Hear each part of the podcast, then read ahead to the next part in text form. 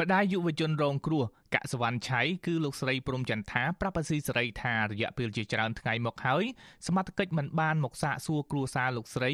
ជុំវិញករណីហិង្សាលើកូនលោកស្រីលោកស្រីថាសមត្ថកិច្ចហាក់មិនយកចិត្តទុកដាក់រឿងនេះទេដោយសាររើសអើងនិន្នាការនយោបាយ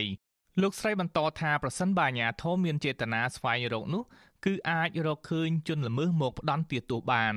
ម្ដាយជនរងគ្រោះរូបនេះទាមទារឲ្យសមត្ថកិច្ចបង្ហាញលទ្ធផលនៃការស៊ើបអង្កេតករណីនេះឲ្យបានឆាប់ដើម្បីពន្លឿនការរកយុត្តិធម៌ដល់កូនលោកស្រី។ ខ្ញុំជឿថាបើសិនជាប្រទេសមិនកូវីដប្រទេសមិនលុកដោនមិនបិទគប់ក៏អាញាធរបើចង់ររស្រួលខ្លាំងណាស់អាញាធរស្រុកខ្មែរបកែណាឲ្យតែត្រូវនឹងមុខសញ្ញាគាត់រប៉ុន្តែចំណែកម្យ៉ាងគឺគ្រឿងមន្ត្រីនយោបាយសកម្មជននយោបាយនឹងគឺមិនខ្វល់តែម្ដងគឺគាត់គាត់ចង់បំបត្តិសេរីភាពគឺផ្នែកនយោបាយផ្នែកដឹងឮគឺនិយាយទៅគណៈបពប្រឆាំងតែម្ដងខ្ញុំសកត់ធ្ងន់គឺរឿងនឹងតែម្ដង កសវណ្ណឆៃអាយុ16ឆ្នាំគឺជាកូនរបស់សមាជិកក្រុមប្រឹក្សារាជធានីភ្នំពេញជាប់ឆ្នោតគណៈបកសង្គ្រោះជាតិលោកកកកុម្ភាដែលកំពុងជាប់ឃុំនៅពន្ធនាគារព្រៃសរដោយតុលាការចោទប្រកាន់លោកពីបទញុះញង់និងរួមគំនិតក្បត់យុវជនរូបនេះត្រូវបានជន់មិនស្គាល់មុខ2នាក់គប់នឹងដុំថ្មពីក្រោយបណ្ដាលឲ្យបែកក្បាលខាងឆ្វេងដេ20ធ្នេ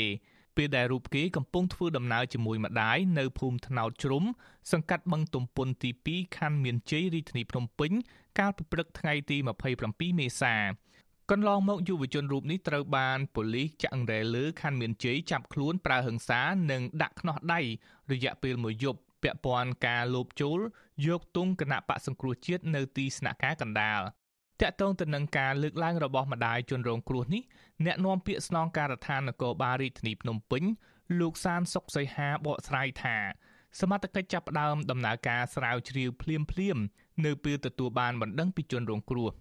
លោកថាជនរងគ្រោះក៏ត្រូវចូលរួមបំភ្លឺរឿងនេះដោយស្មោះត្រង់ដែរលោកបន្ថែមថាសមត្ថកិច្ចនឹងស្រាវជ្រាវផ្ដាល់យុត្តិធម៌ឲ្យជនរងគ្រោះដោយមិនទុកករណីនេះចោលឡើយតែការស្រាវជ្រាវ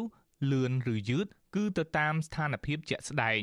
មានករណីណាមួយដែលត្រូវបានចោលហើយជាការអ្វីដែលគាត់លើកឡើងនេះជាការគិតរបស់គាត់អញ្ចឹងបានបានខ្ញុំបញ្ជាក់ទៅវិញថាពេលខ្លះការលើកឡើងរបស់គាត់នោះគឺជានិន្នាការរបស់គាត់គិតគាត់អត់ដែលមានទុកចិត្តជឿទុកចិត្តមកលើសមត្ថកិច្ចផងមាន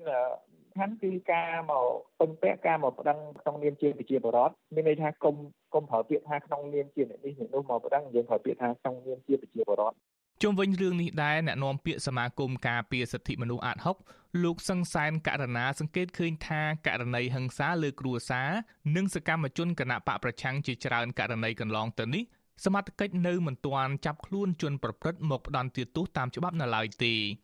លោកជំរុញឲ្យអាជ្ញាធរពន្លឿនការស្រាវជ្រាវករណីនេះដើម្បីផ្ដល់យុត្តិធម៌ដល់ជនរងគ្រោះនិងដើម្បីបញ្ជាការចោទប្រកាន់ថាករណីទាំងនេះមានពាក់ព័ន្ធនឹងរឿងនយោបាយ។ បើសិនជាជនដៃដល់នៅតែមិនមានការចាត់វិធានការ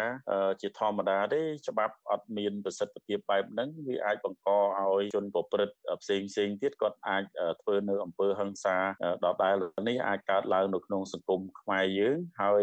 ជនដៃដល់ឬក៏អ្នកប្រព្រឹត្តទាំងអស់ហ្នឹងនៅតែនៅក្រៅសំណាញ់ច្បាប់ហើយជាអំពើនិតិនភាពដែលប្រទេសនានាគេមិនចង់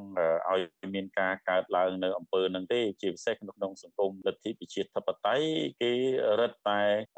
ពង្រឹងនៅការអនុវត្តច្បាប់ចាប់តាំងពីឆ្នាំ2020រហូតដល់ពេលនេះមានសកម្មជននិងសាច់ញាតិសកម្មជនគណៈបកសង្គ្រោះជាតិប្រមាណ30នាក់ហើយត្រូវបានជន់មិនស្គាល់មុខលោកវាយឲ្យរបួសហើយភ្នាក់ច្រើនអាជ្ញាធរមិនទាន់វែកមុខជន់ប្រព្រឹត្តនិងអ្នកនៅពីក្រោយខ្នងយកមកផ្ដន្ទាទោសតាមច្បាប់នៅឡើយទេខ្ញុំយុនសាមៀនអាស៊ីសេរីប្រធានាធិបតី Washington